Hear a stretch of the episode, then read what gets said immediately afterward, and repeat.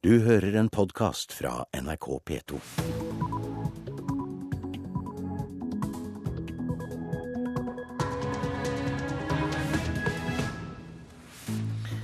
Du ønskes med dette velkommen til P2s Nyhetsmorgen mandag 10. desember. Nå klokka 6.30 har vi disse overskriftene. Mange kan bli lurt til en langt dårligere pensjon enn det de skulle hatt, mener LO. Kvinne omkom under brann i Vestvågøy i Lofoten i natt. Fredsprisen splitter det politiske Norge. Noen gremmer seg, andre gleder seg. Jeg ser veldig frem til å, være i rådhuset i dag. Det er viktig at uh, vi som er uenige i fredsprisen, uh, synliggjør det. Norges håndballkvinner står med full poengpott foran hovedrunden i EM. Her i studio, Øystein Heggen. Mange kan bli lurt og ende opp med en langt dårligere pensjon enn de skulle hatt. Det mener LO blir resultatet hvis Stortinget i dag går inn for å endre loven, slik at alle får mulighet til å satse en større del av pensjonen på aksjemarkedet. Nå advarer flere fagforeninger sine medlemmer mot å endre gunstige pensjonsavtaler. LO-økonom Øystein Gjelsvik er en av skeptikerne. Når selskapene vil, vil, vil overselge fordelene og underkommuniserer farene, så er det jo fare for at folk tar rett og slett gale beslutninger på et galt grunnlag. Folk blir, blir lurt, for å, det, for å, si det på godt norsk. I dag skal Stortinget avgjøre om alle skal få muligheten til fritt investeringsvalg på fripolisene sine. Og i Finansdepartementet sier statssekretær Morten Søberg at forslaget vil være bra både for livselskapene som sliter med økte kapitalkrav, og for folk flest. I et nøtteskall så handler det om å gi folk større valgfrihet, og også mulighet til å få høyere pensjon enn i dag. Reporter Ellen Sporstøl. En kvinne omkom og en mann er fortsatt savnet etter en boligbrann på Vestvågøy i Lofoten i natt. Brannvesenet fikk melding om brannen like etter klokka halv ett. Huset ble raskt overtent, og det eldre ekteparet var sannsynligvis inne da det brant. Kvinnen ble funnet omkommet, mens mannen foreløpig har status som savnet. Det sier innsatsleder André Skogland. Status nå er det at uh, en kvinne er bekreftet omkommet og en mann er fortsatt savnet. Hvordan var situasjonen her på Skalse når redningsmannskapet kom? Nei, når redningsmannskapet kom, da var det brann i, i, boligen. Og, og en person ble hentet ut relativt kjapt. Reporter på Vestvågøy, John Inge Johansen. En kvinne i 20-årene omkom seint i går kveld i en trafikkulykke i Lærdalstunnelen i Sogn og Fjordane. Kvinnen kjørte en personbil og kolliderte med et vogntog. Vogntoget havnet i fjellveggen, og føreren ble alvorlig skadd. Wenche Hope er operasjonsleder ved Sogn og Fjordane politidistrikt. Vi fikk melding om hendinga klokka 23 søndag kveld. Det var ei møteulykke mellom en personbil og en trailer ca. 10 km inn i tunnelen fra Aurlandssida. Fører av personbilen, som var ei kvinne i 20-åra, døde på stedet. Og fører av vogntoget ble sittende fast i vogntoget en stund før han fikk frigjort han. Han er alvorlig skada. Han ble sendt til Haukeland sykehus med luftambulanse. Og politiet kan foreløpig ikke si noe om årsaken til ulykken. Lærdalstunnelen er stengt inntil videre. Dagens utdeling av Nobels fredspris til EU splitter det politiske Norge, mens stortingsrepresentant Per Olaf Lundteigen og statsråd Inga Marte Thorkildsen brukte søndagskvelden til å gå i fakkeltog mot pristildelingen, satt Høyres nestleder Jan Tore Sanner hjemme i Bærum og gledet seg til seremonien i Oslo rådhus i dag. Jeg ser veldig frem til å, å være i rådhuset i dag og, og hylle eh, det europeiske prosjektet. EU ingen verdig vinner! Noen kilometer lenger øst, på Youngstorget i Oslo, hadde flere hundre demonstranter i går kveld samlet seg for å protestere mot pristildelingen. Blant dem Sanners kollega på Stortinget, Per Olaf Lundteigen fra Senterpartiet. Det er viktig at vi som er uenige i fredsprisen, synliggjør det. Og som stortingsrepresentant så ser jeg det som helt naturlig å være sammen med de mange som er av en mening at det her ikke er en verdig nobelprisvinner. Sanner mener det er helt greit at også stortingsrepresentanter demonstrerer mot Nobelkomiteens avgjørelse. Alle har ytringsfrihet, sier han. Det er ikke noe overraskende at Lundteigen gikk i, i det toget. Men vi så jo hvilket selskap han, han, var i. Der var det Sigd og, og Hammer. Ja, det sa Jan Tore Sanner til reporter Per Arne Bjerke. Nå har vi fått besøk. Leder i Europabevegelsen Pål Frisvold og Pernille Riker, seniorforsker ved Norsk utenrikspolitisk institutt. Vi skal selvfølgelig snakke om fredsprisen til EU. Eh, Pål Frisvold, du er leder i Europabevegelsen. Er det en ironi i at eh, landet som er kanskje mest mot EU i hele Europa, det hyller EU i dag? Vel eh, jeg tror vi skal være stolte. At vi har et land som er fullt og helt med i den europeiske familie. Og som allikevel har klare syn på hva dette prosjektet betyr.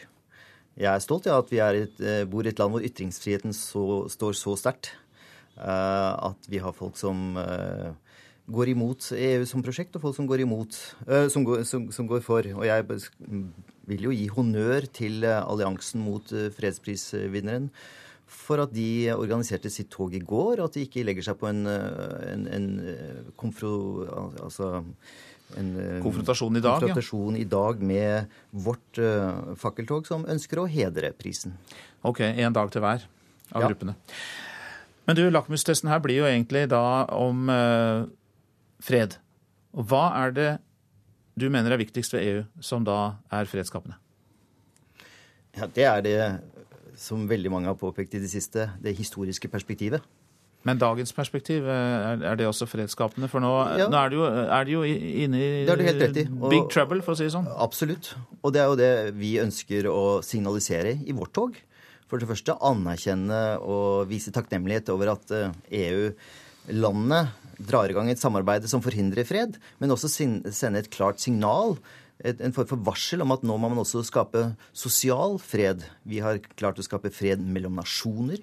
Nå må vi skape fred eh, på et sosialt perspektiv. Få opp eh, økonomisk vekst og eh, skaffe flere jobber og styrke velstanden i Europa. Det er helt på det rene.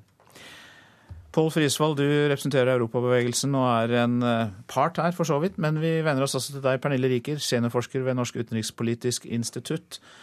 Og eh, for å tenke fredssak og bare det, er det da en riktig pris? Ja, jeg mener det er en riktig pris. Og, og, og det er først og fremst, som Frisvold også sa her, så er det en, eh, mener jeg, en historisk eh, pris at EU har bidratt til fred og forsoning i Europa. Mm. Ikke bare etter annen verdenskrig, men også med de ulike utvidelsene både østover, nei, sørover først, for å inkludere de tidligere diktaturene i sør, og, og østover.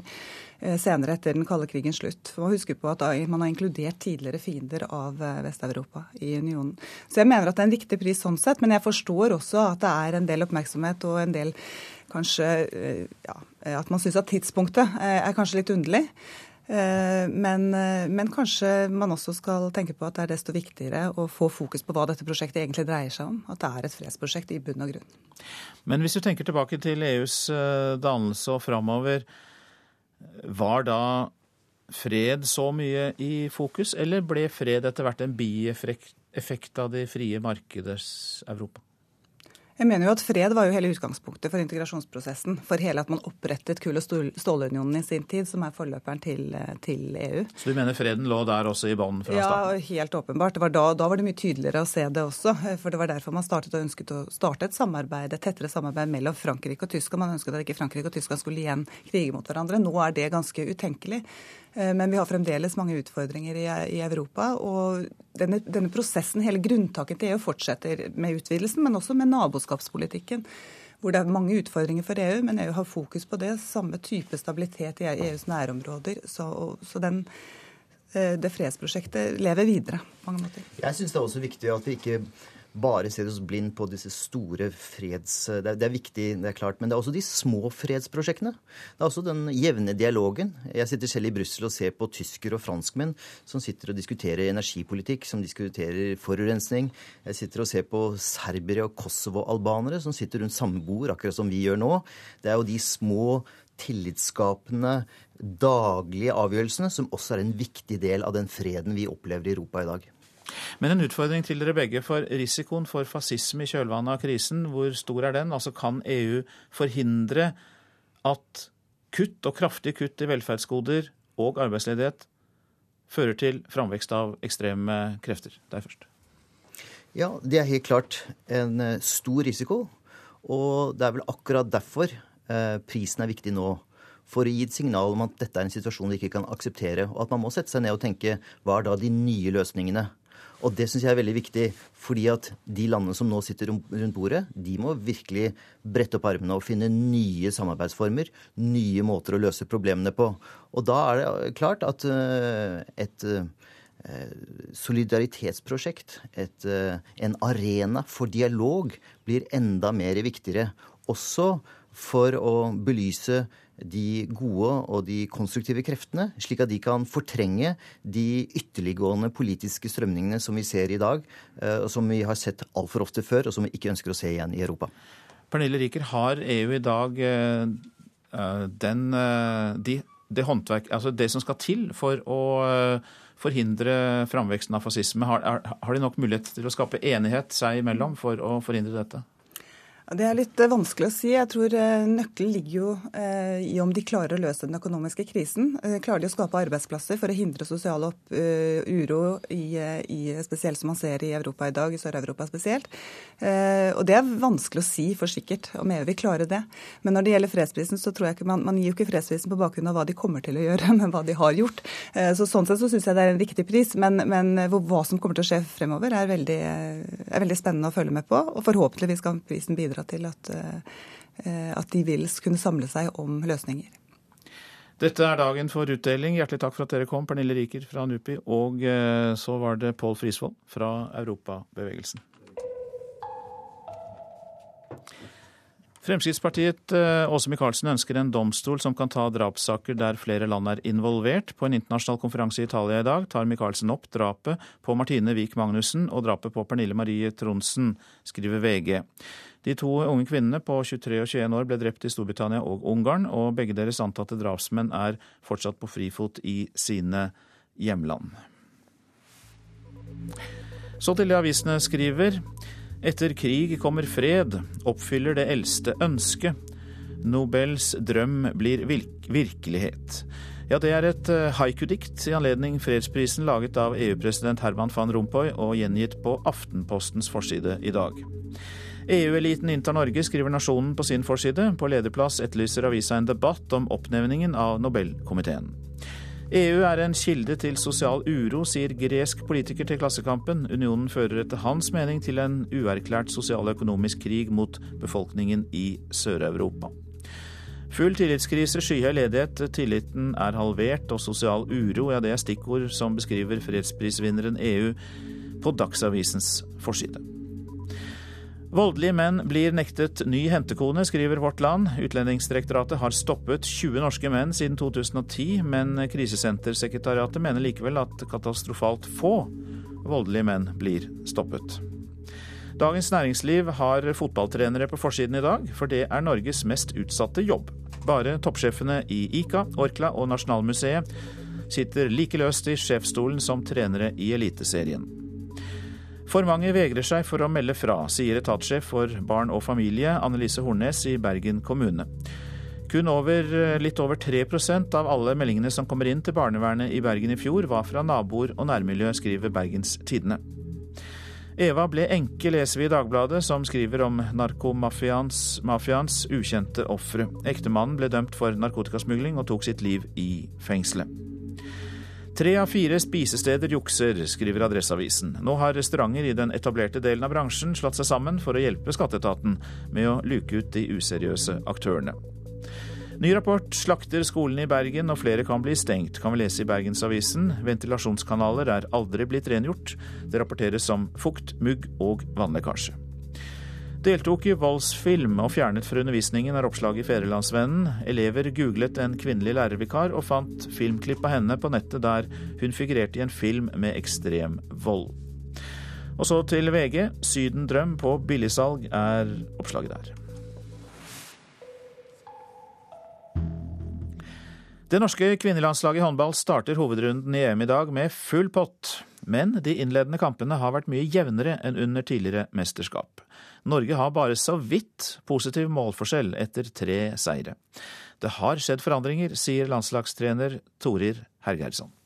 Det har endra seg en del ting i internasjonal kvinnehåndball de siste åra. Og det er at De absolutt enkle måla, hvor motstanderne lar seg springe over, de er, den tiden er forbi. Det kan se sånn ut, og forandringen har skjedd raskt. I forrige EM gikk Norge ut av gruppespillet med hele 43 plussmål. Og plussmålene har vært mange i alle de fire siste mesterskapene. Denne gangen avslutter Norge gruppespillet med målforskjellen 67-62. Ida Alstad mener det er de andre som har blitt bedre, ikke Norge som har blitt dårligere. Jeg syns òg de andre landene har kommet seg. Det så vi i OL òg. Og andre landene de kommer etter å bli bedre. Altså. Og Torir Hergersson er klar på hva de andre gjør bedre. Nå løper alle hjem, så det er vanskeligere å lage mål i kontra i dag enn det var både for to år siden og ikke minst fire, seks og åtte år siden.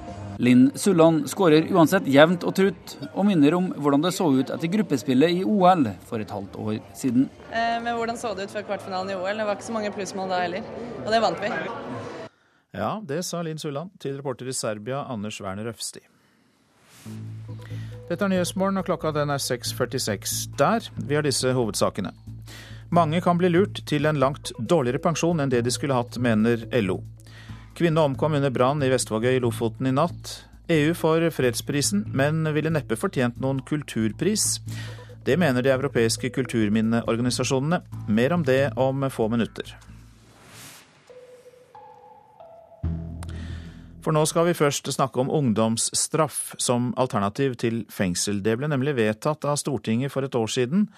Konfliktrådene skulle bemannes med koordinatorer som skulle sørge for alternativ straff for ungdom mellom 15 og 18 år. Men så er det bare slik at halvparten av konfliktrådene har fulgt det opp. Gjerningspersonen kan sitte her. Sammen med sine foreldre, f.eks. For kan man f.eks. ha politiet på for min høyre side, hvis jeg sitter som tilrettelegger der kan man også ha barnevernet, andre de profesjonelle. Eh. Ungdomskoordinator Christian Øverby i konfliktrådet i Hedmark viser hvor ungdom i alderen 15 til 18 år som har begått alvorlig kriminalitet, kan møte. Det er hvis dommeren eller påtaleansvarlig hos politiet mener han eller hun bør gis en alternativ straffereaksjon for å få dem ut av den kriminelle løpebanen. Hvordan er liksom stemninga i første minuttene når man møtes her? Det er en veldig spesiell stemning. Hva man sier, det berømmelige den stemningen er til å ta og føle på. Fengsel eller bot er det andre alternativet for ungdommen. Men i fjor vedtok Stortinget forslaget fra regjeringa om ungdomsstraff, fordi de mente barn ikke bør settes i fengsel. Det å sette ungdom i fengsel, det er ikke, ikke heldig i forhold til altså Jeg tenker at det, Der vil det da kunne skape seg en ny kriminell løpebane og, og skaffe seg et nettverk som de kanskje ikke hadde før de havna i fengsel heller. Kristian Øverby har siden i vår jobba med ungdommer i Hedmark som er med i oppfølgingsteamet som følger dem fra ett til tre år. Teamet består av folk fra flere etater som sammen jobber med å få ungdommen på rett spor igjen. Greier vi å hindre at ungdom og barn blir satt i fengsel, så tenker jeg at vi også gjør samfunnet en tjeneste. Jeg tenker at Det å være oppfølgingsteam er en, det er en straffegjennomføring. Og det er veldig tøft for de ungdommene, det kan jeg skrive under på. De som er her. Det er ikke noe lettvint løsning. Det å bli fulgt med argusøyne fra politi, fra barnevern, fra skole, eh, til andre foreldre, eh, fra andre eh, representanter, det er ganske så tøft. Alvorlige voldssaker er sammen med narkotikakriminalitet de hyppigste sakene ungdommene er involvert i. Velger de å bli med i oppfølgingsteamet, får de også se konsekvensene av det de har gjort. Det å, å på mange måter ha gjort opp for seg ansikt til ansikt, enn bare ha signert på en bot, tenker jeg altså også er et veldig godt element i forhold til oppfølgingstid. Som oftest er det kanskje mye bortforklaringer, men det blir veldig reelt for dem når de ser offeret. Men sjøl om Stortinget har vedtatt at det skal satses på denne type ungdomsstraff, er det bare halvparten av konfliktrådene som har det. Vi ønsker selvfølgelig eh, å sette i gang dette så fort som mulig, fordi vi ser at eh, det funker. Eh, vi ser at når nettverket rundt ungdomskriminelle med skole, helse, kommune, familie, politi, når det samvirker sammen, så går ungdomskriminaliteten ned. Det sier statssekretær i Justisdepartementet Kristin Bergersen.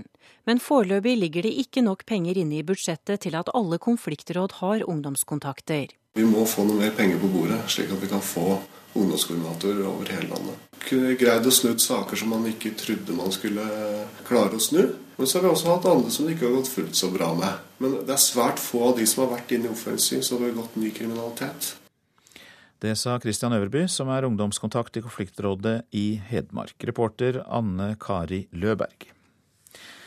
Unødvendige anrop til brannvesenet er tema nå, for i Agder er over halvparten av anropene til nødnummeret 110 unødvendige.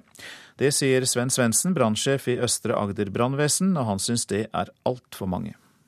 Det er et for høyt tall. Um, nå er det slik at De siste årene så har tallet gått nedover, og uh, bygningseiere og folk er blitt uh, flinkere til å ta vare på uh, sine alarmanlegg og til å montere de på riktig sted, men fremdeles er det for høyt. Tallet på unødvendige alarmer har gått ned de siste årene fordi brannkorpsene i Agder har skrudd opp prisen på slike utrykninger. I Østre Agder brannvesen koster en unødvendig utrykning flere tusen kroner. Det har virket skjerpende, sier Svendsen. Ja, Det er jeg overbevist om. Men gapet mellom gebyret man betaler for en unødvendig utrykning og de faktiske kostnadene er likevel på flere tusen kroner. Det må fellesskapet betale.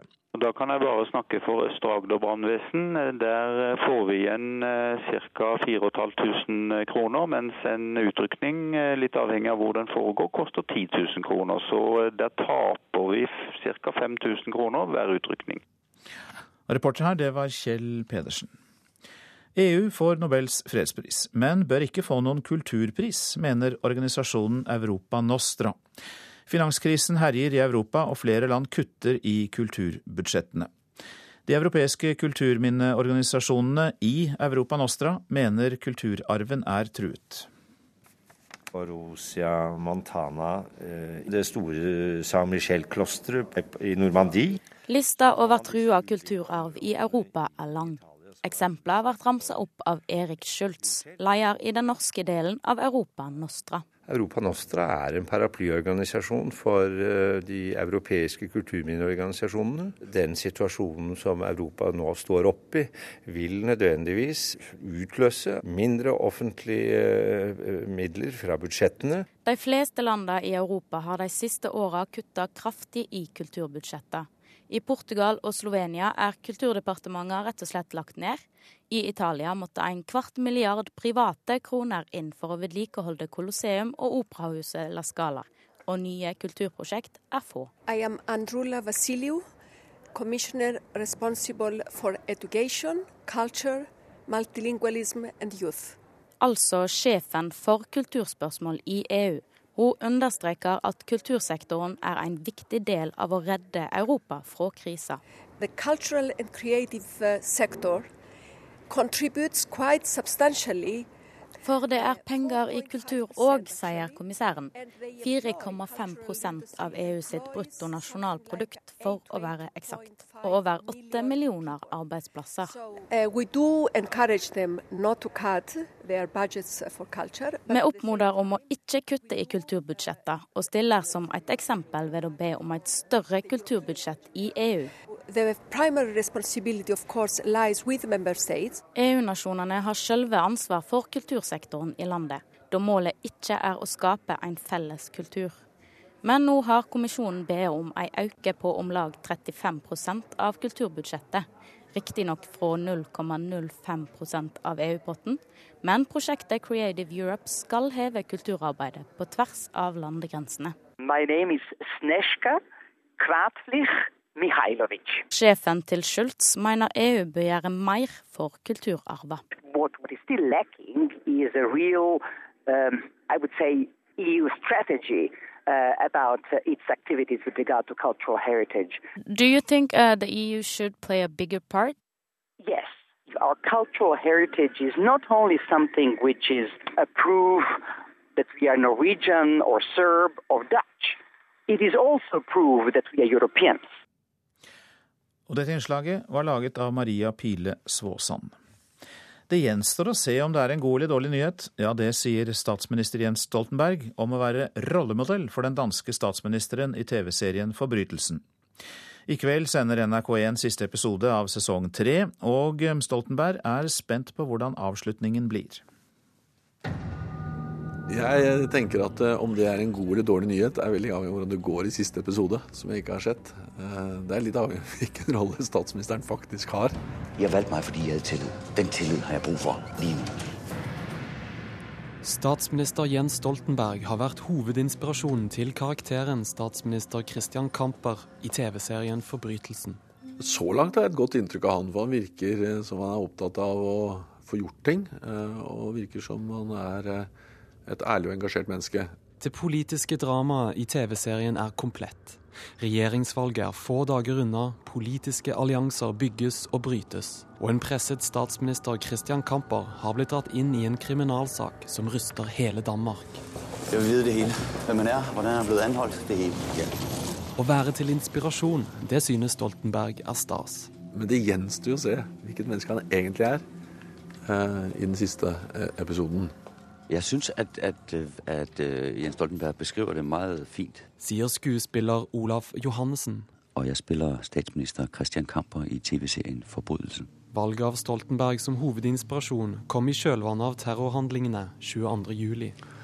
Og den måten han formådde å takle den svære situasjonen som hele Norge var blitt brakt i, syns jeg var øh, forrygende flott. Så lå det meg meget på sinne at, at øh, at portrættere et, øh, ikke, ikke en øh, kold, kynisk politiker, men et menneske. Et menneske som, som brændte for en ting, som, hvor man tydelig kunne se at mennesket bag fasaden, og ikke kun fasaden. Mitt navn er Kyrre Nakkim. Jeg er politisk redaktør i NRK. Kyrre Nakkim har fulgt både Jens Stoltenberg og den fiktive danske statsministeren Christian Kamper lenge. De er jo omtrent på samme alder. Og det er tydelig at det er en statsminister som har sittet lenge, og som har den selvtilliten som man får av å sitte lenge. Eh, Kamper tar jo raske beslutninger. Han eh, er på en måte eh, styrt av mye sitt eget hode. Sørg for at det blir lagt press på politiet. Olav Johannessen har også sett på Tony Blair og den tidligere danske statsministeren Anders Fogh Rasmussen i sine forberedelser. Men, men jeg må si at, at grunninspirasjonen det er Jens Stoltenberg. Altså, det, der, der var et eller annet i meg personlig som gjorde der er noe jeg kan bruke. Der er en, en mann som, som, jeg tror på, og som, som viser meg hvem han er bak fasaden. Den norske statsministeren har snakket med den ekte danske statsministeren om at den fiktive danske statsministeren er inspirert av den norske. Ja, jeg har snakket med Helle Thorning-Smith om dette. Jeg spiste frokost med Helle nå i helgen. Og da snakket vi om forbrytelsen. Og Eh, vi snakket ikke om siste episode, fordi at den har eh, gått i Danmark, men ikke i Norge. Så jeg var veldig opptatt av at ikke hun skulle fortelle hvordan det endte. Ok, da har vi noe å tenke på når vi benker oss foran TV-apparatene i kveld. Reporter Eivind Våge. Værvarselet i Norge. Fjellet i Sør-Norge får oppholdsvær. Østlandet og Telemark det blir liten kuling på kysten. Utover dagen pent vær. Det kan bli lokal frostrøyk. Agder, på kysten øst for Oksøy liten kuling, etter hvert pent vær i Agder. Så var det Rogaland, der blir det stort sett oppholdsvær i dag. Hordaland og Sogn og Fjordane oppholdsvær. Møre og Romsdal enkelte snøbyger i ytre strøk, men ellers oppholdsvær også der. Trøndelag, der blir det spredt snø sør for Trondheim, ellers oppholdsvær. Så tar vi Helgeland, Saltfjellet, Salten, Ofoten og Lofoten. Oppholdsvær, kort og godt. Lofoten og Vesterålen. I vest litt snø av og til, ellers opphold. Om kvelden sørvestlig liten kuling og litt snø. Troms får pent vær. Kyst- og fjordstrøkene i Vest-Finnmark. I morgentimene liten kuling i vest, for det meste pent.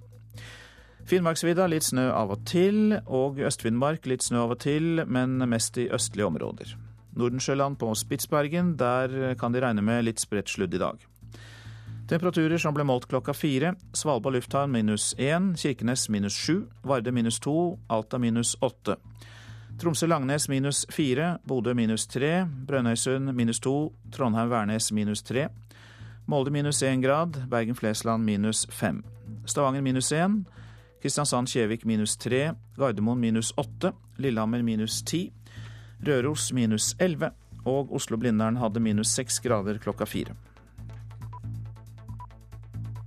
Du hører en podkast fra NRK P2.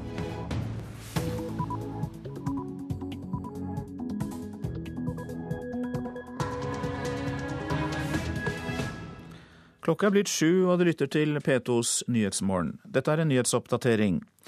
I dag mottar EU Nobels fredspris i Oslo rådhus. Men fredsprisen splitter det politiske Norge. Jeg ser veldig frem til å, være i rådhuset i dag. Det er viktig at eh, vi som er uenig i fredsprisen, eh, synliggjør det. En kvinne omkom i en brann i Vestvågøy i Lofoten i natt. En mann er fortsatt savnet. LO mener mange kan bli lurt til en langt dårligere pensjon enn de skulle hatt. Når selskapene vil, eh, vil, eh, vil overselge fordelene og underkommuniserer eh, farene, så er det jo fare for at folk tar rett og slett gale beslutninger. Folk blir, blir lurt, for å, sagt, for å si det på godt norsk. Folkeaksjonen i Finnmark advarer mot griske utenlandske gruveselskaper. Vi blir kort sagt rana av utenlandske investorer som kommer hit og voldtar Finnmark og, og tenker veldig kortsiktig. Representanter for UD drar til Marrakech i Marokko i morgen for å møte den syriske opposisjonen. Det blir Norges første møte med opprørsstyrken i Syria. Ja, så er det utdeling av Nobels fredspris til EU i dag, og det splitter jo det politiske Norge. Mens stortingsrepresentant Per Olaf Lundteigen og statsråd Inga Marte Thorkildsen brukte søndagskvelden til å gå i fakkeltog mot pristildelingen, så satt Høyres nestleder Jan Tore Sanner hjemme i Bærum og gledet seg til seremonien i Oslo rådhus. Jeg ser veldig frem til å, være i rådhuset i dag og, og hylle eh, det europeiske prosjektet. EU ingen verdig vinner! Noen kilometer lenger øst, på Youngstorget i Oslo, hadde flere hundre demonstranter i går kveld samlet seg for å protestere mot pristildelingen. Blant dem Sanners kollega på Stortinget, Per Olaf Lundteigen fra Senterpartiet. Det er viktig at eh, vi som er uenig i fredsprisen, eh, synliggjør det. Og som stortingsrepresentant så ser jeg det som helt naturlig å være sammen med de mange som eh, er av en mening at det her ikke er en verdig nobelprisvinner. Både regjeringspartiene SV og Senterpartiet støttet demonstrasjonen, sammen med nesten 40 andre ulike organisasjoner. Sanner mener det er helt greit at også stortingsrepresentanter demonstrerer mot Nobelkomiteens avgjørelse. Alle har ytringsfrihet, sier han. Det er ikke noe overraskende at Lundteigen gikk i, i det toget. Men vi så jo hvilket selskap han, han var i. Der var det Sigd og, og, Hammer. Sanner er en av representantene på Stortinget som engasjerer seg sterkest i fredsprisutdelingen, og foreslår selv hvert år flere kandidater. Han mener det er en styrke at det er debatt rundt pristildelingen. Eh, disse spørsmålene er, er politiske. Eh, og jeg er glad for at, eh, at EU nå får fredsprisen. og Jeg tror det er spesielt viktig i den krevende situasjonen som mange europeiske land befinner seg i. Ja, Jan Tore Sanner til slutt der, til reporter Per Arne Bjerke.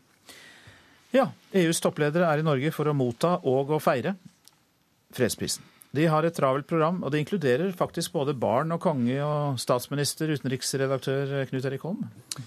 Det stemmer, men eh, det som skal Utover det, det som skal skje i Oslo i dag, er jo noe helt spesielt. Det må være en norsk statsministers store drøm. Eh, stats- og regjeringssjefer fra nesten alle EU-land kommer til Oslo. Det har jo ikke skjedd før. Så det er eh, helt spesielt, og vil jo sette en helt spesiell ramme på dette eh, møtet i dag, eller på prisutdelingen i dag. Det som ellers skjer av arrangementer, er jo i tillegg til det du nevnte, den store seremonien i ettermiddag klokka 13 i Rådhuset. Eh, og så skal da Jens statsminister invitere alle disse stats- og regjeringssjefene til en arbeidslunsj, som det heter, i gamle losjen eh, i Oslo sentrum ca. ved tretiden. Så er det jo det litt mer tradisjonelle eh, fakkeltoget i Oslo sentrum i kveld. Vi får se hvor mange som kommer dit, da, etter at nei-folket mobiliserte i går. Og så er det jo den store banketten på kvelden. Men du, det er vel enklere for deg å fortelle meg hvilke statsledere som ikke kommer, da? Ja, det er faktisk ikke så veldig mange. Det er uh, Tsjekkias uh, Václav Klaus, en uh, uttalt EU-skeptiker. Uh, og så er det folk fra Slovenia og Luxembourg så vidt jeg har oversikt over nå, som ikke kommer. Andre land, for, som f.eks. Storbritannia, sender da ikke sin statsminister. av hjemlige politiske grunner. Men Nick Clegg, visestatsministeren, kommer til Oslo i dag. Som til gjengjeld er veldig sterk EU-tilhenger. Men du, Eh, det som skjer i Nobelseremonien i Oslo rådhus, kan du dra oss litt igjennom det også? Ja, Den vil også foregå etter kjente former. De kongelige er til stede, selvfølgelig, og medlemmer av regjeringen. I tillegg til de tre prisvinnerne som jo kom i går. Det skal være foredrag ved Nobelkomiteens formann Torbjørn Jagland og Herman van Rompuy og Barroso, som de to skal snakke på vegne av EU. Eh, jeg vil anta at de der sikkert igjen vil minne om, at, eh, minne om hvorfor de mener EU fikk, prisen for EUs innsats for fred og menneskerettigheter og demokrati i Europa gjennom 50 år. Førstelektor Øyvind Tønneson, du er med oss på linje til Lillehammer. Du er historiker og underviser ved Høgskolen der. og eh, jeg har fått høre at du gikk fra å riste på hodet til å mene at det var en god idé å gi prisen til EU? Ja, Førstereaksjonen min var jo simpelthen at dette, jeg ikke helt kunne se at EU hadde gjort så fryktelig mye i det siste året eh, for fredssaken. Så Det var noe utgangspunktet for at jeg reiste til Bodø. Men når jeg så går tilbake og ser på, på, på, prisens historie, på Alfred Nobels testamente og på selve den teksten som Nobelkomiteen gikk ut med da de annonserte prisen, så vil jeg si at det for så vidt kan sies å være en ganske klok pris. Så det er et samsvar med intensjonen i Nobels testamente?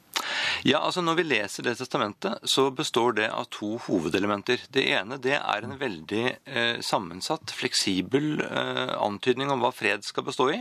Nemlig noe for nedrustning, det går på internasjonale fredskongresser og det går på eh, brorskap mellom folkene. En veldig åpen formulering. Det andre som står i det testamentet, det er jo at prisen skal deles ut av det norske Stortinget. Det er altså ikke Norge som fikk den oppgaven, men det var det norske Stortinget, et parlament. Og når man ber et parlament om å oppnevne den komiteen som skal dele ut prisen, så ligger det på en måte i det at man innser fredsprisens sterkt politiske karakter, at det her ikke er tale om en helgenkåring. Men når det ikke er tale om en helgenkåring, så kan det kanskje være grunn til å understreke det som enkelte andre også har understreket, nemlig at det også ligger noen forpliktelser i denne prisen? Ja, det er det. Nå kan vi se at Flere år så har, eh, altså, eller innimellom så har Nobelkomiteen valgt å dele ut prisen på en måte som på en måte pusher, pusher aktører i en bestemt retning. Og vi kan si at Med den historiske begrunnelsen som er gitt for denne prisen, som sterkt understreker de politiske sidene ved EU, så binder de på en måte moralsk eh, europeiske ledere, altså i den grad man da kan gjøre det, så binder de dem opp til akkurat de idealene som de her eh, fremhever ved EU. Men du, Det er jo også blitt snakket om risiko for fascisme i kjølvannet av krisen i EU. Og eh, Hvordan tror du at EU kan forhindre det, at det vokser fram eh, ekstreme krefter? Kan i det hele tatt eh, noe sånt eh, som en nobelpris ha noen innvirkning? Jeg tror nok, eh, altså Innvirkningen er veldig begrenset. Det mm. tror jeg vi bare må innse. Men det er klart at et, en viktig ting det er at hvis man skulle gå i retning av en europeisk disintegrasjon, så er det umulig å si hvilken retning det vil komme til å gå i. Det vil sannsynligvis gå i veldig mange forskjellige retninger. Så da er faren veldig stor for at du får oppløsning av selve de fredspolitiske idealene som også veldig mange av EU-motstanderne i Norge f.eks. er tilhengere av. Så, mens derimot fortsatt integrasjon det er på en måte et tryggere spor. Mm. Og, og, det kan sies å være en slags form for barriere mot, mot uh, si, populistisk oppløsning. Knut Erik Holm, du er jo fortsatt med oss, du er utenriksredaktør her i NRK. Sånn avslutningsvis, har fredsprisen mistet litt av sin status i senere år, eller er den like høyt eh, hevet over alt og alle? Nei, jeg tror ikke vi kan si den har mistet eh, sin status. Debatten rundt denne prisen, og ikke minst den til Obama eh, for tre år siden, viser jo det at folk er veldig opptatt av hvem som får den til enhver tid. Ikke bare her i Norge, men også store deler av verden. Så jeg tror at den har en eh, veldig høy status fortsatt. Den er fortsatt der den skal være, kanskje. Er du enig i det, Tønneson? Ja, man kan godt si at Obama-prisen det var en veldig risikabel pris. Eh, det var altfor tidlig, kan man si. Eh, prisen til EU tror jeg på en måte er mye tryggere. Den knytter seg mye, mye mer an til EUs historie. Hjertelig takk skal dere to ha. Førstelektor Øyvind Tønneson, som vi hørte der, som eh, er ved Høgskolen i Lillehammer, og vår egen eh, utenriksredaktør Knut Erik Holm. Mange kan bli lurt og ende opp med en langt dårligere pensjon enn det de skulle hatt. Det mener LO blir resultatet når Stortinget i dag skal bestemme om loven skal endres, slik at alle får mulighet til å satse en større del av pensjonen på aksjemarkedet. Allerede nå har mange fått tilbud om å endre gunstige pensjonsavtaler jeg, jeg, jeg tror ikke på tjent penger. Det gjør jeg ikke. Er, eh, jeg er litt skeptisk til å, å, gjøre noe med de pensjonsavtalene som gjør at jeg faktisk plutselig ikke har noen penger igjen på det. Hvor mye vil Angela Miller få utbetalt når hun blir pensjonist i framtida? Det er det det handler om. Hun er en av svært mange som i disse dager har fått brev og telefoner fra forsikringsselskapet sitt.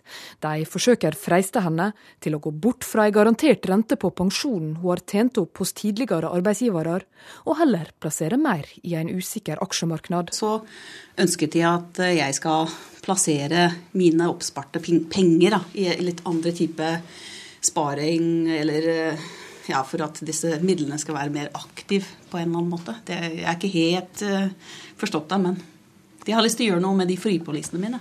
Hele 150 milliarder kroner har nordmenn plassert i ulike fripoliser, som er pensjonsrettene du har med fra tidligere arbeidsplasser. Nå advarer flere fagforeninger om å la seg overtyde av forsikringsselskapene. Også i LO er de skeptiske, sier økonom Øystein Gjelsvik. Når selskapene vil, eh, vil, eh, vil overselge fordelene og underkommuniserer eh, farene, så er det jo fare for at folk tar rett og slett gale beslutninger på et galt grunnlag. Folk blir, blir lurt, for å, det, for å, si det på godt norsk. I dag skal Stortinget avgjøre om alle skal få muligheten til fritt investeringsvalg på fripolisene sine. Og i Finansdepartementet sier statssekretær Morten Søberg at forslaget vil være bra både for livselskapene som sliter med økt kapitalkrav, og for folk flest. Eh, det medfører risiko. Det betyr også at det er ikke opplagt at alle bør gjøre dette, men vi innfører større valgfrihet. Det vil være mulig for mennesker å velge investeringer som kan gi dem høyere pensjon. Men ikke alle er overtyda om at mange vil kunne tjene mer enn dagens garanterte rente på 3-4 For Agnes Bergo i Pengedoktoren er det klart at det i alle fall ikke er kunden som vil tjene mest på dette. Det er først og fremst forsikringsselskapene de har solgt fripolise til en altfor lav pris. Vi lever lenger enn de har regna med. Det betyr at reservene deres er for lave. De må ta et tap. Men det slipper de dersom de klarer å overtale oss til å flytte kapitalen over til aksjemarkedet. Livselskapa sitt ve og vel er i alle fall ikke en av faktorene Angela Miller tar med når hun skal avgjøre hva hun skal gjøre med sine fripoliser. Det som jeg tenker at Når jeg blir pensjonist, så skal jeg ha råd til å reise. Jeg er egentlig fra USA, så jeg har tenkt at jeg skal reise en god del, eh, besøke familier. Jeg skal også en tur eh, lenger i Europa. Og for meg så er det viktig å sikre pensjonen at jeg har en ok pensjon å leve av. Og den hørte sist der, det var fripolisekunde Angela Miller. Reporter Ellen Sporstøl. Utenlandske gruveselskaper er i ferd med å rane Finnmark, ja det mener Folkeaksjonen mot giftutslipp i Bøkfjorden. På nyåret legger regjeringen fram sin mineralstrategi, og den skal skape fortgang i gruvevirksomheten.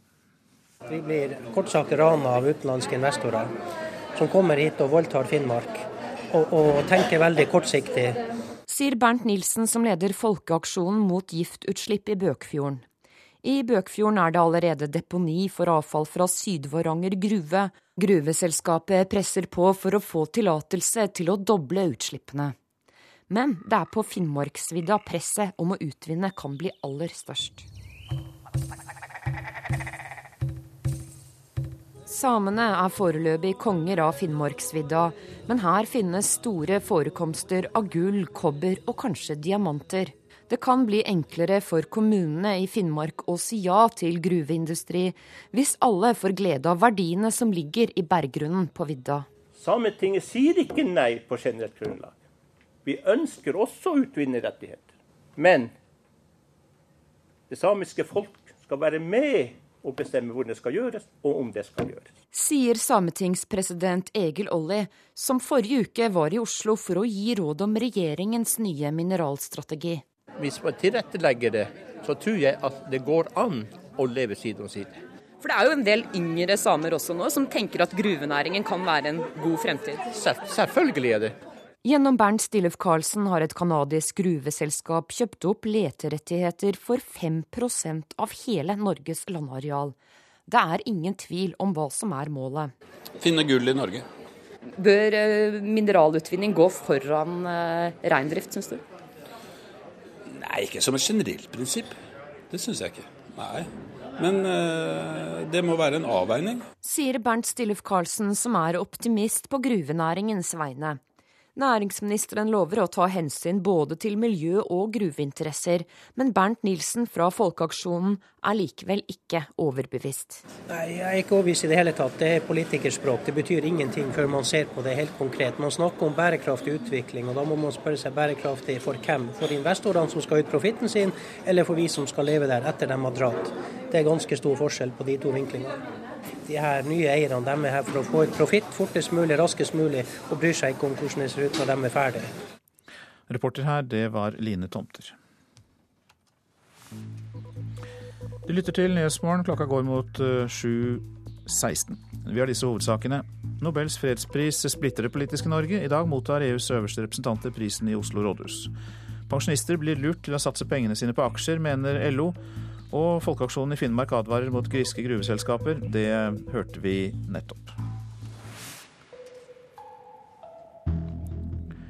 Kinesisk politi nektet i dag menneskerettighetsaktivisten Hu Jiao å forlate huset da han ville markere FNs menneskerettighetsdag. Markeringen skulle ha skjedd utenfor boligen der kona til den arresterte nobelprisvinneren Liu Xiaobo blir holdt i husarrest. I Ghana er, har den sittende presidenten John Mahama blitt gjenvalgt. Ifølge valgkommisjonen i landet fikk han 50,7% av stemmene, men opposisjonen har nektet å akseptere avgjørelsen. Den mener å kunne bevise valgfusk i det som ofte blir sett på som det mest stabile demokrati i Afrika, Ghana altså. Om lag 150 homofile par benyttet anledningen til å gifte seg i Seattle i staten Washington i går. Ved valget i forrige måned bestemte velgerne i Washington med 52 mot 48 eh, av velgerne at par av samme kjønn skulle få anledning til å gifte seg, og i går var første dag det var mulig. I morgen drar representanter fra UD til Marrakech i Marokko for å møte den syriske opposisjonen. Det blir Norges første møte med representanter for opprørsstyrken i Syria. Og eh, UD vil prøve å få dem til å skrive under på at de ikke vil angripe helsearbeidere på sykehus i Syria. Vi skal snakke med deg om det, Torgeir Larsen, du er statssekretær i UD. Men først eh, til Leni Stenseth, utenlandssjef i Røde Kors. Hvorfor er en slik avtale som de prøver å få til, viktig? Angrep på helsearbeidere, helseinstitusjoner og ambulanser er et stort og utbredt humanitært problem i mange konflikter. Det er veldig viktig at alle parter i en konflikt respekterer de regler som gjelder, nemlig at helsearbeidere skal beskyttes og sikres tilgang.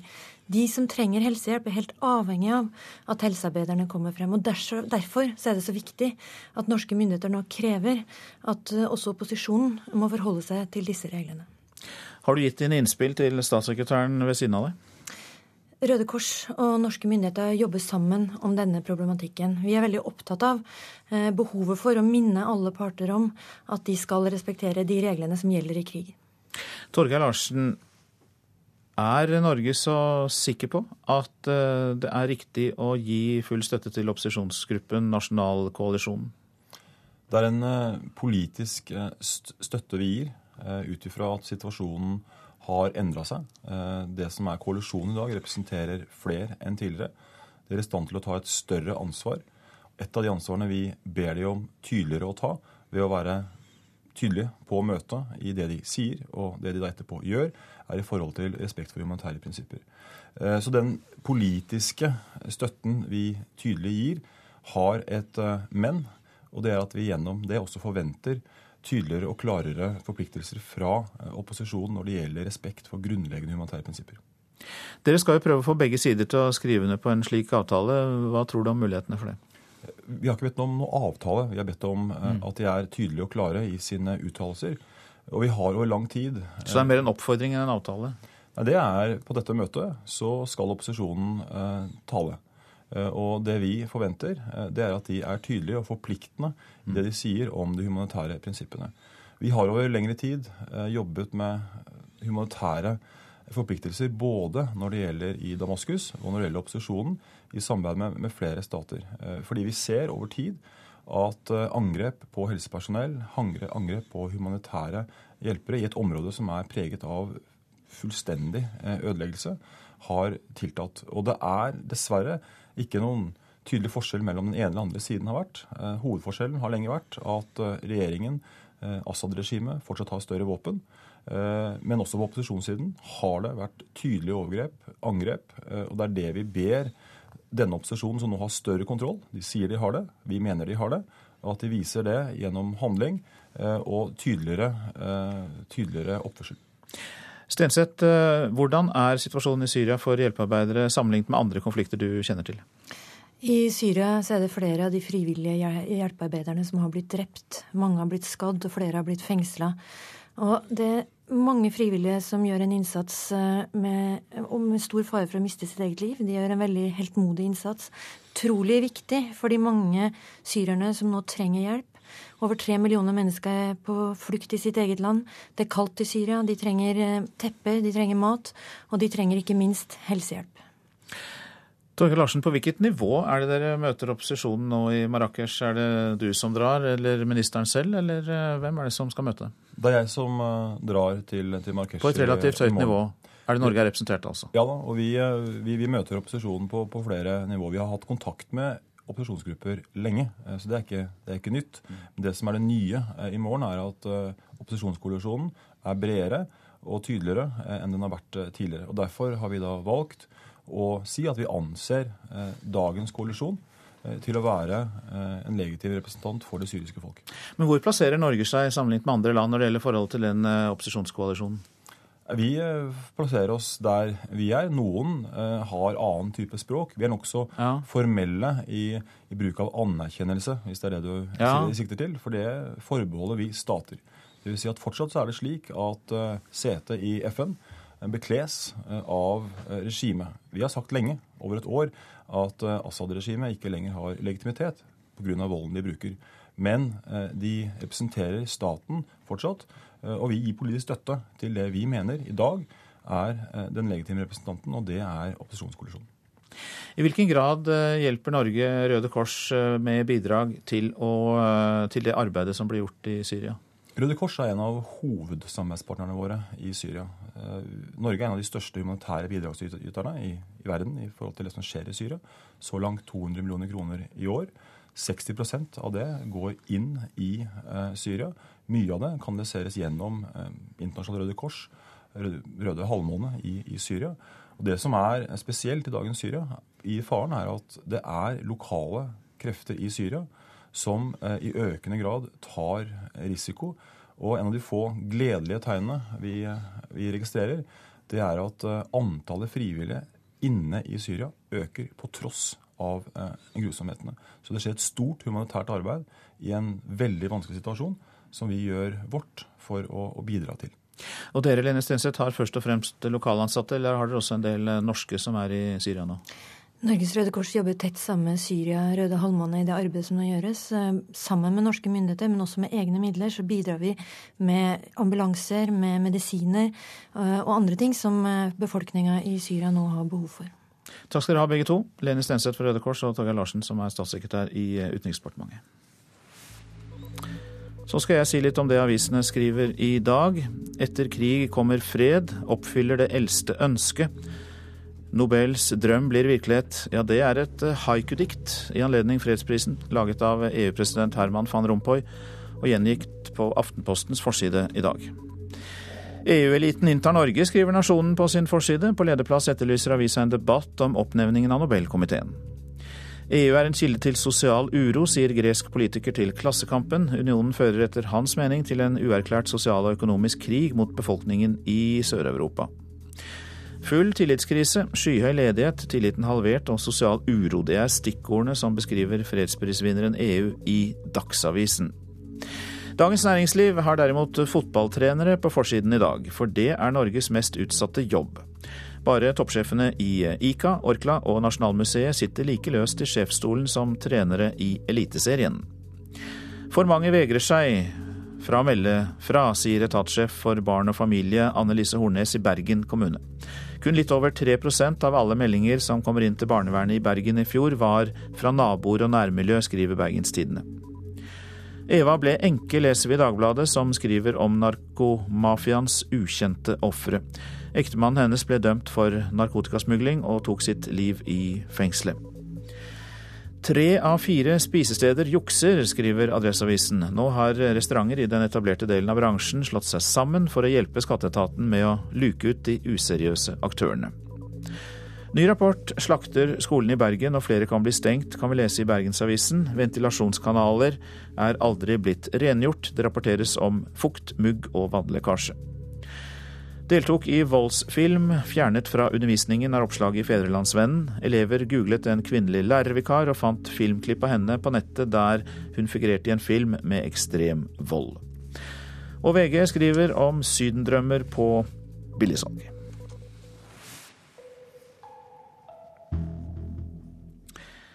Halsbrekkende akrobatikk, luftige svev i trapes, sjonglering, stunt på stylter og enhjulssykkel. Ja, det er noe av det stadig flere norske ungdommer har lyst til å drive med. Vi snakker om det som er blitt kalt nysirkus, der det er plass til alle typer mennesker. Svakhet kan bli styrke. Det mener i hvert fall artisten Manda Rydman fra Sirkus Sirkør. Hun var i Harstad i helgen med sirkuset, og i morgen skal Nysirkusensemblet, tror jeg det heter, opptre for hele verden under fredsprisutdelingen i Oslo. We are all different. Some just wanna Someone else wanna Da Sirkus Sirkør besøkte Harstad i helga, var det en vanskelig oppgave for Kulturhusets markedsavdeling å selge forestillinga til publikum. For hva er nysirkus? Liv Marit Steinvold var en av dem som tok sjansen og lot seg utfordre. Jeg har vært og sett på sirkus, tror jeg. Det er vanskelig å beskrive hva det er jeg har sett, for det er så mye forskjellig. Jeg har blitt skremt, og så er jeg blitt glad, og så har jeg fått meg en god latter. Og... For det er liksom en helt ny opplevelse. Nysirkus blander sirkusferdigheter med dans og teater, og noe av det som kjennetegner nysirkus, er en helhetlig kunstnerisk idé og regi. Trapesartist Manda Rydman i Sirkus Sirkør tror ungdommer trekkes mot nysirkus fordi man får utvikle både kroppen og personligheten sin. Ja, det er precis det her med, med andre konstformer som har vokst opp nå, med parkour og med streetdance. Alle de, det de har gemensamt er at man får lov å ha en, en personlig frihet som det kanskje ikke finnes plass for i gymnastikk eller sport der det er noen annen som sier eksakt hvordan man skal gjøre, og det blir minuspoeng om man gjør annerledes. Så eh, det er jo en kjempestor fordel, at man får utvikle sin personlighet og sin kropp. De tradisjonelle sirkusene som vi kjenner dem, har ofte vært drevet av familier, og barn har blitt født inn i et sirkusliv hvor de har fått opplæring av sine søsken og foreldre. Det er i ferd med å endre seg, sier sirkus- og stuntmann Kristoffer Jørgensen. Det, det, vi snakker jo om en ny subkultur sånn uh, nesten på linje med hiphop. Det blir artig å se om 10 år, om 20 år, om det, om det er like stort som hiphop. Men det er iallfall på vei. Nysirkus, som dukka opp på 70-tallet i mange europeiske land, skilte seg i første rekke fra de tradisjonelle sirkusene ved at det ikke var dyr med i forestillingen. Norge har vært langt etter andre europeiske land på området, men stadig flere ungdommer trekkes mot sirkusskolene i utlandet. Og nå dukker det opp undervisningstilbud i flere og flere norske kommuner. But, but for you this is right, right? And I'm sitting there.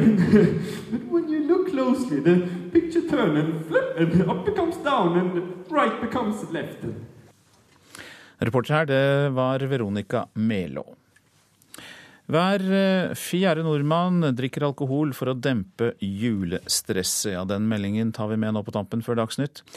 Det viser nemlig en undersøkelse Ipsos MMI har gjort for alkoholvettorganisasjonen Av og til. Og eh, Undersøkelsen viser at eh, tallet er eh, enda høyere i Oslo, der én av tre sier at de drikker alkohol i jula for å slappe av pga. stress. Det er altså Dagsavisen som skriver dette i dag. Du lytter til Nyhetsmorgen på NRK P2. Mareritt på vinterveiene i Russland, det er tema for reportasjen etter Dagsnytt. LO mot venstre, ja det blir tema i Politisk kvarter når næringspolitikk og gründervirksomhet skal opp til debatt dem imellom. Klimaavtalen som ble inngått i helgen, blir også tema i Politisk kvarter. Produsent for Nyhetsmorgen Eli Bieland. Her i studio Øystein Heggen. Og Anne Jetlund Hansen gjør seg klar til Dagsnytt. Du hører en podkast fra NRK P2.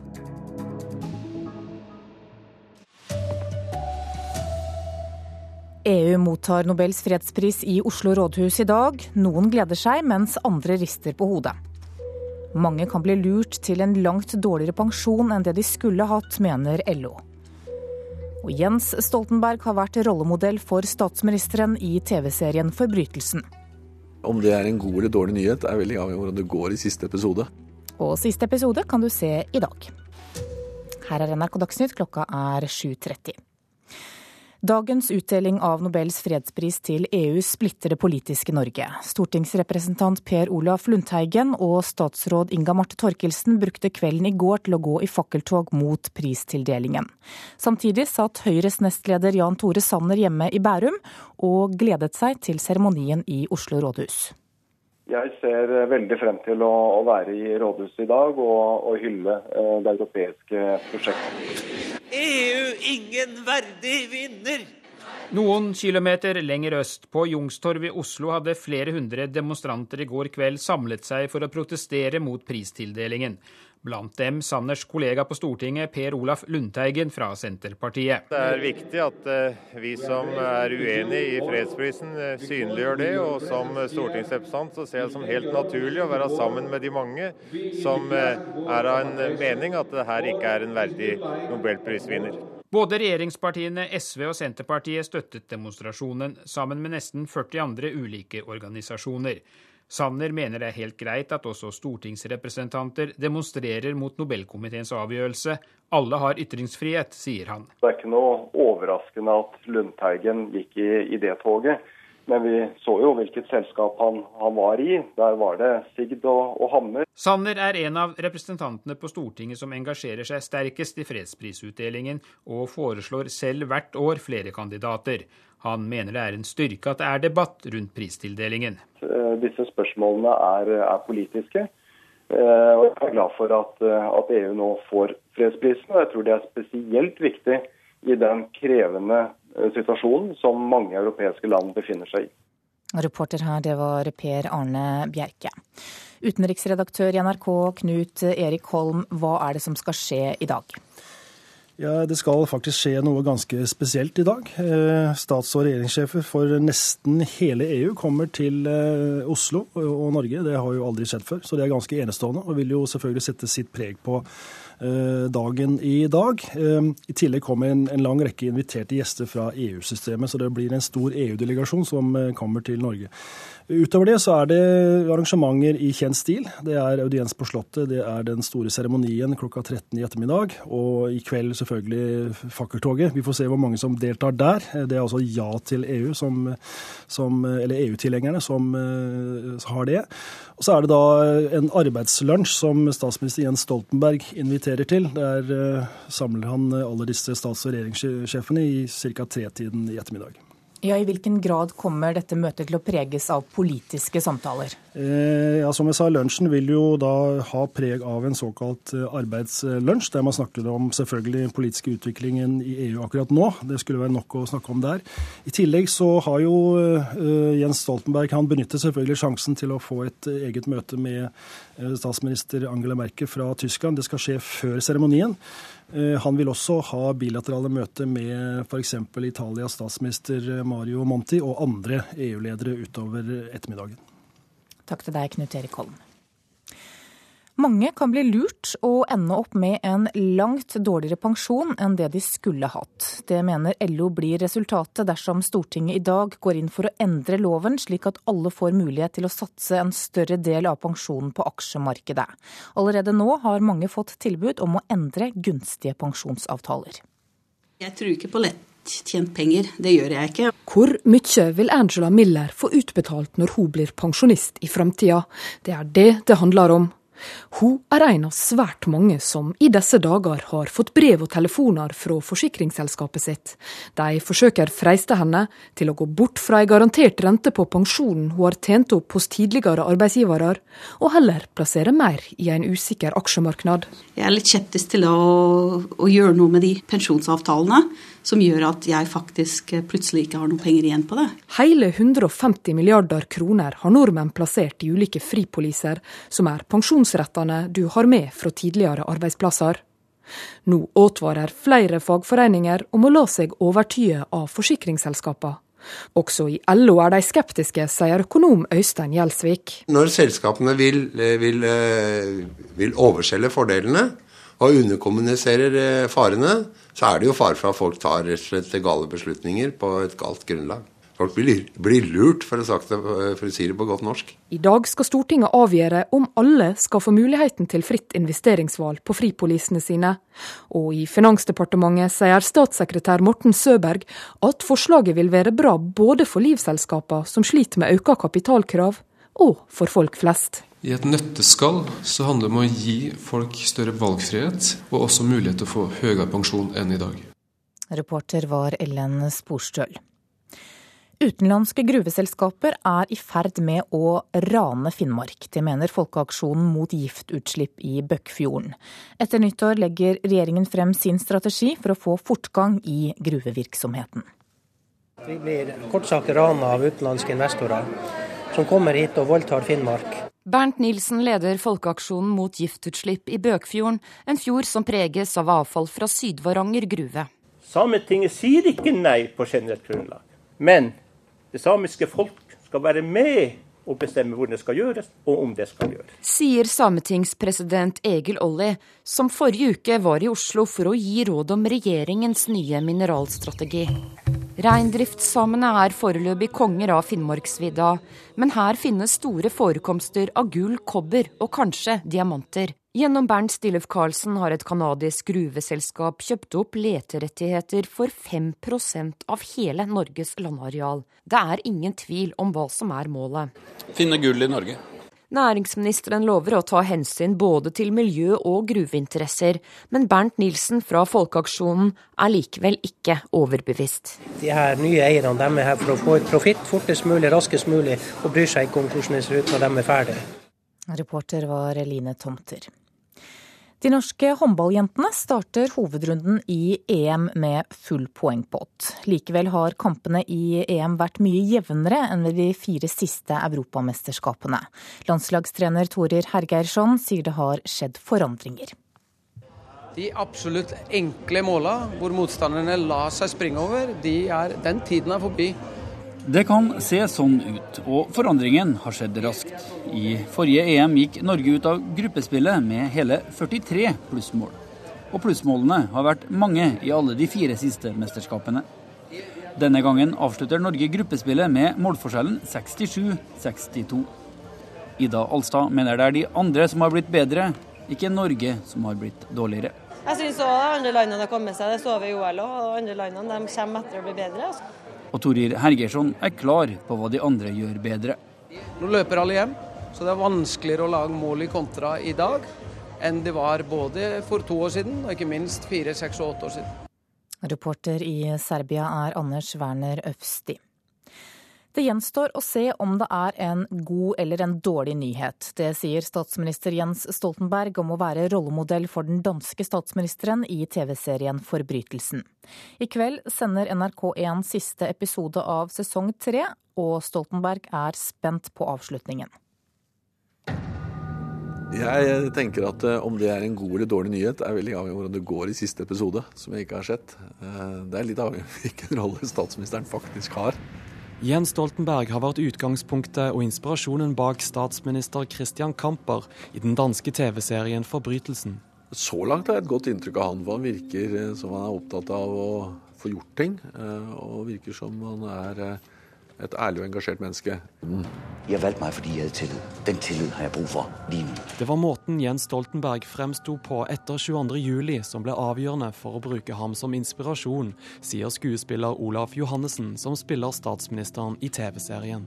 Og den måten han formådde å takle den svære situasjonen, syns jeg var øh, forrygende flott. I helgen møtte Jens Stoltenberg sin ekte danske statsministerkollega.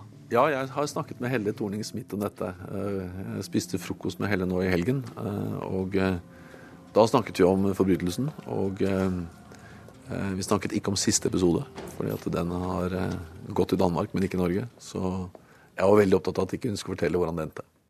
Reporter her, det var Eivind Våge. Ansvarlig for dagsnyttsendingene denne morgenen heter Arild Svalbjørg, teknisk ansvarlig Hanne Lunås og i studio Anne Jetlund Hansen.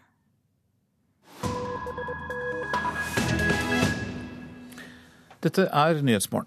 I Russland frykter veimyndighetene fullt kaos i vinter på hovedveien i landet. For noen dager siden satt folk fast i tre døgn i en 40 km lang stillestående kø i begge retninger på hovedveien, mellom Moskva og St. Petersburg. Trailere med blanke sommerdekk er hovedproblemet, og nå blir det lovpåbud om å skifte til vinterdekk i tide. Etter marerittet ved byen Tver.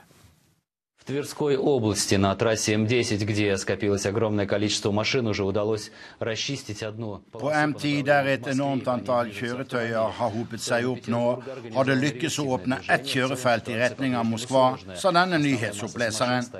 For trafikknyheter er toppnyheter i Russland etter at hovedveien mellom Moskva og St. Petersburg brøt fullstendig sammen pga. nysnø sist helg.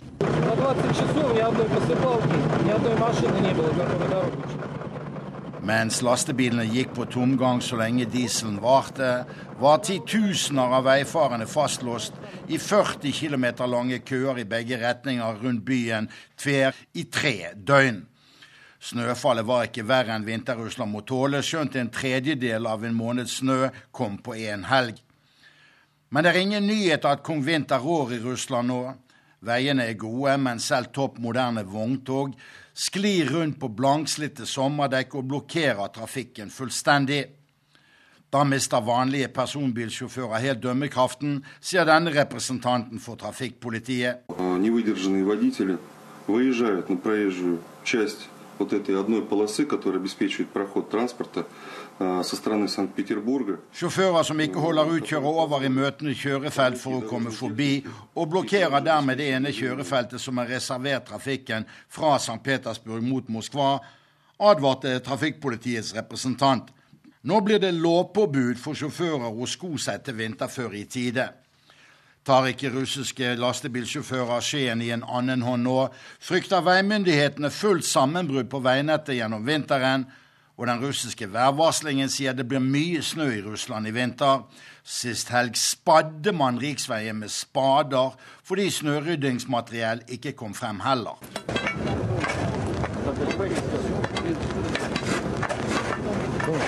Местами по четыре ряда стоят навстречу друг другу и мешают передвижение сами водители, потому что не соблюдая... Nå står køene i fire rader i begge retninger, og sjåførene tar ikke hensyn til trafikkbildet når de prøver å komme seg frem trass trafikkorken, sier Arsen Gregorian, som er fylkessjef for Tver fra Ministeriet for katastrofesituasjoner, MTS. At profesjonelle russiske trailersjåfører må ha lovpålegg for å forstå at de må kjøre på skikkelig vinterdekk i Russland på denne årstiden, stiller transportarbeiderne i samme komiske lys som bøndene i sovjettiden. For bøndene måtte få servert Pravda-ledere for å forstå når de skulle starte våronn og innhøsting. I dag er det selvfølgelig langt flere biler ute og kjører enn i sovjettiden for 21 år siden. Russiske privatbileiere har imidlertid blitt flinkere til å sko seg med vinterdekk og piggdekk. Men det er i lastebilparken at sjåførene gir blaffen i vinterdekk i Russland, som ellers i Øst-Europa. Et fenomen som ikke minst norske veimyndigheter sliter med å takle når trailerne kommer inn over grensen til Norge fra Russland, Baltikum, Polen eller Ungarn.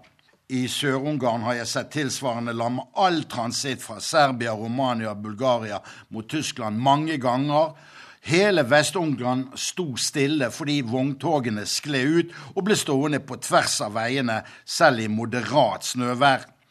Men russiske lastebilsjåfører må åpenbart lære av egne feil, for øvrig en russisk definisjon på en tosk, for en klok mann lærer av andres feil.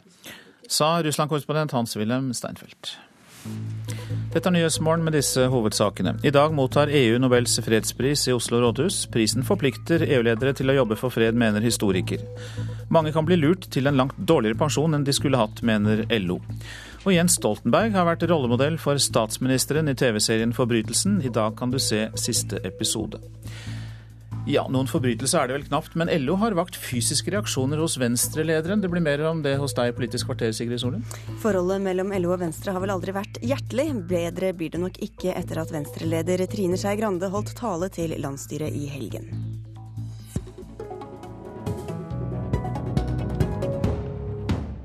Jeg merker at jeg blir litt kvalm når LO snakker om brutalisering i arbeidslivet, når det er millimeter rettferdigheter blant deres medlemmer men at de faktisk ikke bryr seg om de urettferdighetene med de sosiale nettverkene som sliter unna alle dem som har skapt sin egen arbeidsplass.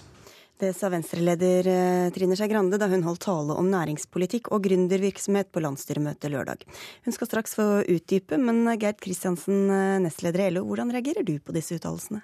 Jeg syns jo det er sterke ord, det å bli kvalm av, eh, av andre sine meninger. Det er ikke det beste utgangspunktet for diskusjon og dialog. Og jeg syns jo også at det er respektløst overfor medlemsmassen vår. Trine Skei Grande, jeg er fristet til å spørre deg hvordan du har, føler deg nå med LO så tett innpå? Nei, vi som er politikere skal sikkert ikke bruke sånne uttrykk, men det kom fra hjertet. Det kom fra et oppriktig eh, Jeg var oppriktig provosert over måten som LO snakker om spesielt det statsbudsjettet vi har lagt fram, og de forslagene vi har lagt fram. Vi har et veldig stort fokus i vårt statsbudsjett med alle som er utafor arbeidsmarkedet. Det er veldig mange tiltak for å få utaforskapet bort, folk inn i arbeidslivet igjen. Det er veldig mange forslag som gjør at sosiale rettigheter faktisk skal gjelde alle. Ikke bare dem som har en fagforeningskontingent, men også dem som er med å skape sin egen arbeidsplass. Men, men hvordan er det LOs feil at de kjemper med det dere mener er millimeterrettigheter for sine medlemmer? Nei, men det må de gjerne gjøre. Det som LO opptrer som, det er som dommer i arbeidsmarkedspolitikken. Der noen, noen da er arbeidsmarkedsfiendtlig. Vi står for brutalisering. Vi setter oss årtier tilbake tilbake, og vi er fagforeningsfiendtlige, noe som jeg mener er feil. Og det er feil av LO å opptre som en sånn type dommer, for at LO er knytta til tre partier, eller aller helst ett parti, og de har ingen objektivitet på det. Så må vi gjerne diskutere innholdet i sakene, men ordbruken som LO har brukt overfor Venstre, henger ikke sammen med de forslagene vi har fremma. Jeg har lyst til å starte med, med Venstre sitt forslag til budsjett for 2013. Når du snakker om at dere vil til livs utenforskap. For det første så vil dere redusere fagforeningsfradraget. Den eneste skattefordelen folk har med å være organisert. Dere vil beskjære sykelønnsordninga fra 12 til 11 måneder. Dere vil kutte i statens andel av AFP. Dere vil kutte arbeidsmarkedstiltak og dagpenger. Og dere vil avvikle nettolønnsordninga for sjøfolk. Jeg lurer på hva det er slags utenforskap dere snakker om i Venstre. Men men det her LO opptrer som en ren Arbeiderparti-propagandaorganisasjon. For de tar med bare halvparten av alle forslagene vi har, alltid når de viser fram til dette her. De viser at vi eh, kutter 0,2% i sykelønn, altså 0,2% av dem som gjelder når det gjelder sykelønn, fordi at vi mener at IA-avtalen bør brukes mer aktivt, bør gjelde flere, og bør også føre til at folk bringes tilbake igjen i arbeid tidligere gjennom kanskje omskolering med etter elleve måneder istedenfor tolv måneder. Det er ikke en brutalisering, det er en uenighet. Men i tillegg så plusser vi på, på når det gjelder f.eks. kreftpasienter, som skal få en større fleksibilitet. Vi legger inn alle de pengene på andre områder. Mm. Så vi er uenige om prioriteringer, men det betyr ikke at vi er fiendtlige mot de verdiene som det her snakker om. Så det er den måten LO snakker om dere, som dere reagerer på mer enn hva LO faktisk gjør, bl.a. overfor sine medlemmer? Jeg er veldig for å ha sterke fagforeninger. Jeg er veldig for trepartssamarbeid i Norge. Venstre har i historien stått for den type samarbeid i arbeidsmarkedet. Vi har godt samarbeid med alle de andre fagforeningene, men her opplever vi at LO opptrer som en ren propagandaorganisasjon for Arbeiderpartiet, der de skal ta oss på ting som er helt urimelig å ta oss på. Hvor objektive er dere når dere ser på Venstres politikk, Kristiansen? Altså, Jeg mener jo at når det gjelder både arbeidslivspolitikk og næringspolitikk, så, så, er det vel ikke så, så, er det vel ikke mange som har et større vidsyn enn nettopp, enn nettopp LO. Det Venstre nå gjør, det er jo å si at hun er for sterke fagforeninger. Er altså, det, det, er noe som ikke henger på greip for Men hva, meg. Hva, hva mener du ville skjedd med Venstres politikk når det gjelder fagforeningene? da? Jeg tror jo det at vi hadde kommet til å svekke både den norske modellen med det den inneholder, både trepartssamarbeidet og uh, de kollektive Men avtalene. Men når jeg ser Altså, jeg prøver å se Venstres politikk totalt sett. Uh, og jeg trekker frem en del eksempler. Du har kalt dem det mest fagforeningsfiendtlige partiet på Stortinget? Ja, det har jeg gjort, og, og, det mener jeg faktisk. Vi er grunnleggende uenige politisk, og det, og det er greit. Eh, det, det, er helt greit for oss, det. Trine Skei Grande og Venstre må, må, må gjerne ha sin politikk. Det har de rett til. Og det er jo akkurat den samme retten arbeidstakere i Norge har når de går til valgurnene og stemmer. Og det, viser jo, det vises jo når, når vi tar opptellinga til valg. Men Grønne, en, eh, en, av dine bekymringer som lå til grunn for denne uttalelsen, var altså at du mener at de som er selvstendig, eh, selvstendig næringsdrivende, har for dårlige rettigheter. Hvordan hjelper det dem ved å gi dårligere rettigheter til de fagforeningsorganiserte? Nei, ja, Jeg mener ikke at vi gir dårligere rettigheter, men vi tar en del grep for å hindre det som jeg mener er største utfordring i arbeidslivet nå. Det er at noen permanent blir utafor. Det gjelder mange innvandrergrupper, det gjelder folk som har vært uføre og, og, og, eller syke. Og, da er det midlertidig ansettelse blant annet som du da Ja, det er en av de tiltakene som vi har, har eh, snakka om. Og vi har et veldig stort løft nettopp for det utenforskapet. Og dem glemmer LO, mener du? Ja, jeg, jeg må innrømme at jeg drømmer meg av og til litt bak til Yngve Haagensen, som hadde et litt mer større perspektiv på det han holdt på med. Husk at vi er en del av et Europa som virkelig er i kjempestor omstilling det å hindre utenforskapet i arbeidslivet, det å hindre at folk blir varig satt i uførhet, et, et sykdom fører til at du også blir skubba ut av arbeidsmarkedet, det er ganske viktige tiltak. Så kan vi diskutere og være uenige eller enige om de tiltakene, men her opptrer LO som en sånn nøytral dommer om hva som er rett og galt, når vi vet at de egentlig opptrer på vegne av et parti. Men da må jeg spørre deg altså, Kristiansen, Hva slags ansvar har og tar dere utover bare det som er best for deres egne medlemmer? Jeg mener jo at vi tar samfunnsansvar eh, totalt sett. Og det, vi, det tror jeg jo også Trine Skei Grande ser eh, når vi går inn i lønnsoppgjørene, at vi er i stand til å gjøre. Men, men vi er vi er politisk uenige. Og det betyr jo ikke at vi, at vi går inn og, og, og, nødvendigvis støtter et bestemt parti. Det, det, det gjør dere vel ganske tydelig? det kommer jo i kroner og øre. Ja, i utgangspunkt Altså, vi, vi, støtter jo Arbeiderpartiet, og det handler om at vi står på den samme, på den samme plattformen. Men når det gjelder tiltakene innenfor arbeidslivet, så står LO på egne bein og har egne meninger, og mener at det, det Trine Skei Grande snakker om utenforskapet, de, den medisinen hun foreskriver, kommer til å få stikk motsatt effekt. Grande, øh, vi har ikke så mye mer tid igjen, men hvorfor tror du det er så dårlig forhold mellom LO og Venstre? Jeg tror at eh, LO ser at vi er en ny kraft, og vi er eh, faktisk det radikale alternativet på borgerlig side som folk kan velge. og Derfor blir det lett å angripe oss. Men vi skal komme med mange gode forslag ved hvordan dette arbeidslivet skal bli bedre. Så tror vi kanskje at LO blir på laget, men vi tror vi skal ha veldig godt forhold til de andre fagforeningene, og LO må gjerne komme med. Og så er det ikke så mange venstrevelgere blant LOs medlemmer, så det ligger kanskje litt taktikk til grunn også? At det er trygt for dere å angripe dem og eh, høste støtte fra dem som misliker LO? Nei, jeg tror faktisk at det er veldig mange LO-medlemmer som burde ha stemt Venstre hvis de var opptatt av å bekjempe det utenforskapet vi snakker om. Ja, Når du snakker om politisk kraft, så kjenner jeg jo at jeg blir litt flirfull. Dere ligger og, og vipper på sperregrensa. da må vi begynne å lese litt mer meningsmålinger, tror jeg. Trine Skei Grande fra Venstre og Geir Kristiansen fra LO, takk for at dere kom til Politisk kvarter.